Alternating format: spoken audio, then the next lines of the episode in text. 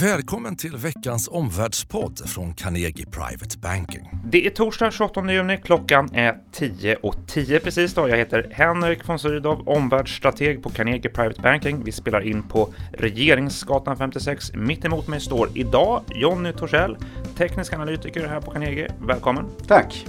Eh, vi gör som vanligt tre analyser på 10 minuter. Vi kommer titta på Stockholmsbörsen, blicka ut mot Europabörserna och blicka ut mot USA, New York-börserna.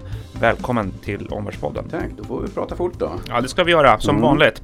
Jonny, och vi börjar med eh, Stockholmsbörsen eh, kring nollan nu då, om du tittar på utvecklingen sedan årsskiftet. Svagt överlag får man säga kanske. Flera varningssignaler, även om vissa sektorer gått stark. Om du skulle ge status på Stockholmsbörsen, vad, vad säger du då? Eh, just nu så är det osäkerhet som råder. Eh, och när osäkerheten dominerar så bildas det konsolideringar i diagrammen. Mm. Konsolideringar, det vill säga när marknaden har gått sidlänges. Det har vi egentligen gjort nu sedan, i, sen toppen i november. Mm. Och konsolideringar det kännetecknas av sådana här tvära kast både upp och ner. Och det är ju väldigt lätt att hamna fel i gungan i den här typen av marknader. Mm. Sidledes, tvära kast säger du, lätt att hamna fel i den här mm. gungan. Eh, vad tycker du, vad innebär, innebär en sån här period av konsolidering för investeraren? Hur ska investeraren agera? Ja, för det första kan man för mig är det ju så som teknisk analytiker. Jag, jag, menar ju att ett diagram det är ju en grafisk illustration av den aggregerade psykologin. Så jag tittar på ett diagram då ser jag optimismen och pessimismen till exempel i ett samhälle eller för en mm. aktie eller för guldet eller vad det nu kan vara för någonting. Eh, så när populationen är optimistisk, då kommer vi att se upptrender. Mm. När vi har pessimism, när det, när det dominerar, då kommer vi ha nedtrender. Och när vi har osäkerhet, då kommer vi ha sidlänges marknader. Mm. Det vill säga det, med de här tvära kasten både upp och ner. Mm. Så generellt sett så ska man, tycker jag, vara lite försiktigare i den här typen av marknadsfaser. Mm. Och för de som är lite mer aktiva på börsen, köper, säljer eller lite mera frekvent då tycker jag att man ska vara, då finns det väl egentligen tre råd tycker jag hur man ska agera i den här marknaden. Nummer ett, vi bör vara lite mera selektiva och bara ta de eh, aktierna eller de setuperna eller eh, hur man nu ska uttrycka det mm. som känns absolut starkast. Mm. Nummer två, eh, agera kanske med lite mindre positionsstorlekar jämfört med vad du brukar göra när marknaden befinner sig i en stark upptrend till exempel. Mm. Och nummer tre då, kanske vara snabbare också att säkra hem eventuella vinster. Därför att marknaden rör sig upp och ner sidlänges mycket mera. Mm, tre goda råd där, var selektiv, ha mindre positioner, säkra vinsten snabbare. Vilka misstag tycker du att man ska undvika som investerare i den här miljön som vi är nu? Ja, det är just att vara för aktiv i konsolideringsperioder. Mm. Och de här tre råden tycker jag är egentligen en ganska bra ja, litet ramverk för det. Mm, det. Hur vi kan agera. Eh, som sagt på eh, söndag, det blir till helgen, så är det ju eh, månadsskifte då. Eh, om du blickar något framåt här under juli och augusti, vad tror du, vilken riktning tar eh, börsen under sommarmånaderna? Ja, vi befinner oss ju just nu i den här svaga så kallade sexmånadersperioden. Mm. Vi har ju den starka perioden som brukar vara från november till slutet på april. Mm. Och där har egentligen all avkastning, om man kollar på börs, börserna under de senaste decennierna, så har i stort sett all avkastning på börsen genererats under den starka eh, sexmånadersperioden. Mm. Nu befinner vi oss då i den här svaga sexmånadersperioden, det vill säga från maj fram till slutet på oktober. Så att eh, just nu en svag period. Men sen är det ju också så att jag menar, det är i genomsnitt när man har tittat på det här. Sen har vi ibland eh, perioder i till exempel den här svaga perioden när vi har lite starkare utveckling. Till mm. exempel brukar vi ha det, man brukar säga då att börsen brukar vara stark från mid midsommar till kräftorna. Mm. Eller från färskpotatis till kräftorna, det vill säga från midsommar fram till eh, hösten där någonstans. Mm. Början på augusti. Du pratar om generella säsongsmönster. Om du mm. kopplar de här eh, mönstren just till den miljö vi är nu, 2018. Eh, ser du något särskilt då? Nej, det, det, det, är ju en väldigt rörigt läge eftersom vi har den här sidlängesperioden, den här konsolideringen. När marknaden kastas tillbaka upp och ner eh, beroende på vad det är för nyheter som, som råder för dagen. Mm. Eh, men eh, jag skulle ändå gissa att vi kanske kan få en liten starkare utveckling här fram till slutet på juli eller något sånt där. Mm. I alla fall när börsen håller sig hyfsat väl och sen brukar det bli normalt sett en lite svagare utveckling fram till i oktober. Mm, oktober. Om man skulle titta på när Så. börsen bottnar, om man pratar om det då? Det ja, normalt sett brukar vi göra viktiga bottnar i mitten, slutet på oktober. Mitten, slutet på oktober. Ja. Du, hör du, du, tittar här på uh, optimism, pessimism bland investerare och bland populationen som du kallar det som teknisk analytiker då. Uh, vilken riktning tar det där då? Ja, vi får väl se nu åt vilket håll det här kommer att uh, Vad tittar du på? Vilka faktorer tittar du på när du bedömer detta? Jag kollar ju då bland annat på hur marknaden reagerar på nyheter. Jag mm. tittar på sentimentsundersökningar. Jag tittar på eh, vilka formationer som uppstår i diagrammen och utbrott, eventuella utbrott och sådana här saker mm. eh, vi får ifrån de här formationerna. Just det. Du, om vi pratar Stockholmsbörsen inför sommaren, vad tycker du är den korta slutsatsen då för privata investerare? Ja, den korta slutsatsen är att man bör vara försiktig i den här typen av marknad. Tack för det Jonny. Eh, om vi går vidare då, lämnar eh, just Stockholmsbörsen eh, och blickar ut mot vår närmaste omvärld, ut mot Europabörserna och titta på det också då kan man väl säga kanske en, en, svagare utveckling överlag. Men vad tycker du från din horisont, vad tycker du sticker ut? Ja, det som sticker ut är det, är det här konsolideringsbeteendet. Eh, som vi har sett, som då visar att placerarna i Europa är osäkra. Också här? Det, det är det, ja, även här. Ja. Mm. Eh, ingen region eller ingen särskild börs som du tycker är särskilt intressant att notera? Jo, en, en viktig marknad eh, naturligtvis för Europa det är ju självklart Tyskland. Mm. Det är ju lite dragloket då i Europa. Eh, och DAX-index, eh, den har ju konsoliderat sen i november. Och den här konsolideringen det kommer förr eller senare att följas av en ny trendrörelse. Nu har det mm. gått sidlänges i över sex månaders tid. Och långsiktigt nu så noteras index mellan ett viktigt stödområde nere vid 11 700 och ett viktigt motståndsområde vid 13 500. Däremellan har det nu pendlat sen i november. Just det. Så långsiktigt eller skulle vi nu få ett genombrott av det här motståndsområdet, 13 500 till exempel, då kommer det här sannolikt att leda till sentimentsförskjutningar. Mm. Till exempel eh, så kommer det sannolikt att bli så då att de som just då, nu är osäkra, då kommer de att börja bli lite mer optimistiska.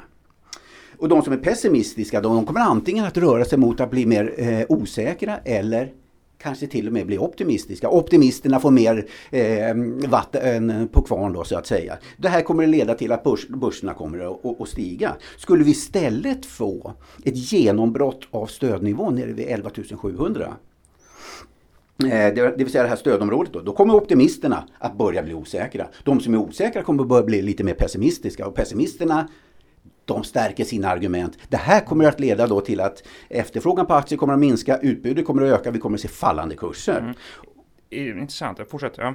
Och Sker det, skulle vi få den säljsignalen, då tror jag att vi kan ha en eh, ökad risk för en nedgång kanske på en 20 procent eh, på, på den tyska börsen. Nu pratar du tyska börsen. Yes. Mm. DAX-index. Intressant. Det är någonting för investerare att vara vaksamma på förstås. Ja, då. Den blir jätteviktig för mig att bevaka. Det, det låter så verkligen. Vad tycker du mer investerare ska hålla ögonen på om vi kollar ut över Europabörserna? Eh, ja, självklart också de svaga länderna. Mm. Eh, till exempel Spanien och Italien. Mm. Eh, de blir självklart också viktiga att bevaka. Dels den starka spelaren Tyskland och sen även de, de svaga, det vill säga Spanien och Italien. Mm. Du, vi har ju i eurozonen och Europa sett svagare makrosiffror under första halvåret här. Ehm, det är klart att, vad är din bedömning? Hur oroade ska investerare vara över detta? Det är ju så att all ekonomisk statistik följer och inte leder utvecklingen på börsen. När börsen visar svaghet under ett antal månader eller under ett antal kvartal som det har gjort nu till exempel. Eh, så brukar det eh, följas då av en, en svag ekonomisk statistik. Mm. Nu har vi till exempel haft ett, ett halvår där, där osäkerheten har dominerat. Eh, och den första konsekvensen av det här det blir att börsen går in i en sidlänges rörelse, det vill säga den här konsolideringen nu vi pratar om till exempel till Tyskland. Men den andra konsekvensen det kommer att bli att ekonomin börjar försvagas. Och det har vi nu sett lite exempel på. Mm. Givet de här analyserna av eh, Europabörsen och inte minst den tyska, vad, vad, tycker du här också om du ska ha en kort slutsats för, för investerare vad gäller Europabörserna? Ja, till exempel, skulle vi få, återvänder jag till det här med ekonomin då egentligen. Ja. Skulle vi få utbrottet uppåt mm. i dagsindex över den här 13 500 som jag pratade om, mm. då kommer det att vara en signal på att ekonomin kommer att börja förstärkas. Mm. Då kommer det här bull market-beteendet att börja komma tillbaka på börsen och det kommer att leda till att ekonomin kommer att försvagas. Skulle vi däremot bryta under den här 11 700 och få den här efterföljande nedgången som jag pratar om. Det kommer att leda till, jag tänkte säga säkert som amen i kyrkan, men så säker kanske man inte ska vara, leda till en sämre ekonomisk utveckling under de kommande kvartalen. Just det, så alltså i korthet, håll koll på? Eh, Tyskland, vart, åt, vart kommer det här att bryta ut åt? Åt vilket håll? Det kommer sen att få konsekvenser även i ekonomin och som sagt. Det. Eh, det. här är ganska intressant också. Redan i november, i slutet på förra året, så gick jag faktiskt ut med en analys som pratade om att tysk, den tyska ekonomin kommer att toppa någonstans under H1 2018. Och nu har vi i alla fall så här långt fått en, eh, ja, en indikation då på att det kan stämma. Men vi får se. Utbrott i Tyskland kommer ändå att visa sen vägen. Om vi förflyttar oss över Atlanten då och kollar på USA, eh, New York-börserna som ju har gått starkt under första halvåret. Jag pratade med en mäklare, han sa att det är tech, tech, tech eh, och Nasdaq-drivet i stor utsträckning då. Ehm, eh, stark utveckling, hur hållbart eh, är det enligt dina bedömningar? Ja, det är så här. Vi ser just nu, eller har sett ett mer selektivt beteende där Nasdaq-index, precis som du säger, har noterat nu nya rekordnivåer. Men medan S&P 500 och till exempel Dow Jones har noterat lägre toppar. Och det här betyder, den här typen av negativa divergenser, det är oftast någonting negativt. Därför att i starka trendfaser, då brukar de flesta index notera nya högre toppar.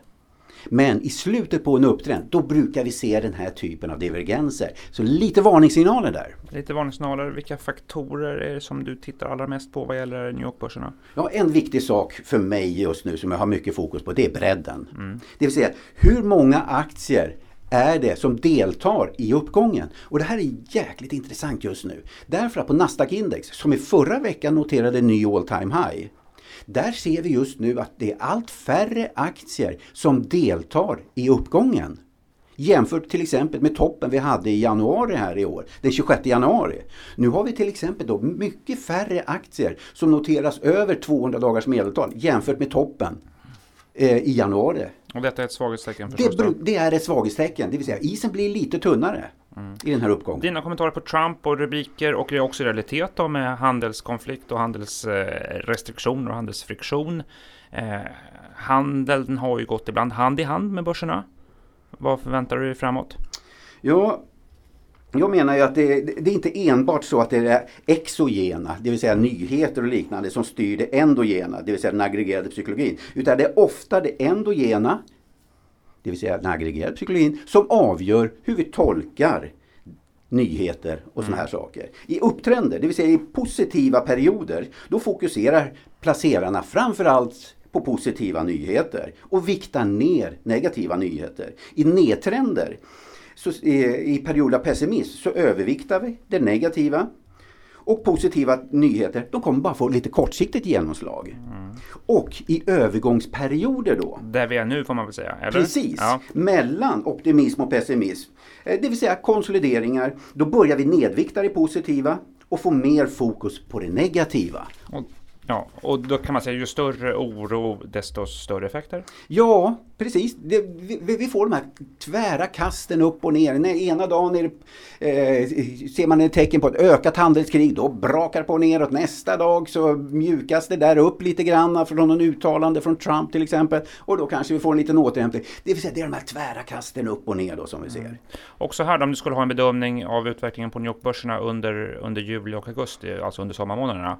Vilken riktning bär det av? Jo, om man, om man först tittar på liksom, hur ska vi bedöma det här sentimentet? Mm. Eh, så har jag ju, det, det, finns några råd man kan titta på eh, och fokusera på lite grann. För att, jag menar, hur ska vi avgöra vilket sentiment just nu som råder? Jag menar, titta på reaktionerna på, på nyheter. De kan avslöja en hel del. Går det inte ner till exempel i samband med en negativ nyhet, då är det tecken på, en, på ett positivt sentiment. Mm. Och går det inte upp i samband med, eh, med positiva nyheter, ja, men då är det oftast någonting negativt. Så, så tillbaka då till en fråga här nu. Nu, nu, nu, nu har vi den här konsolidering även på USA-börsen. Nasdaq har noterat en ny högre topp men S&P och Dow Jones noterar i konsolideringar. Och ja, just nu så är det, med risk för att verka tjatig, mitt ledord just nu det är försiktighet. Det har återkommit i samtalet. Ja. ja och, så det är också den korta slutsatsen om man ska ha det på, på amerikanska börserna? Det måste bli så just nu för mm. mig. Tack Jonny, vi har pratat mer än 10 minuter mm. men vi lät dig få lite extra utrymme här för att lägga ut texten. Mm. Stort tack för din medverkan. Vi tackar också alla lyssnare som har varit med idag. Ser fram emot nästa torsdag. Då spelar vi in en ny omvärldspodd. Då har vi bland annat fokus på att lista sommarens heta händelser som eh, sätter tonen på marknaderna. Tack för idag och hörs nästa vecka. Tack för att du har lyssnat på Omvärldspodden från Carnegie Private Banking. Vill du veta mer om vad som händer i vår omvärld och få aktuella idéer till affärer? Gå då in på www.carnegie.se veckans viktigaste och prenumerera på vårt nyhetsbrev.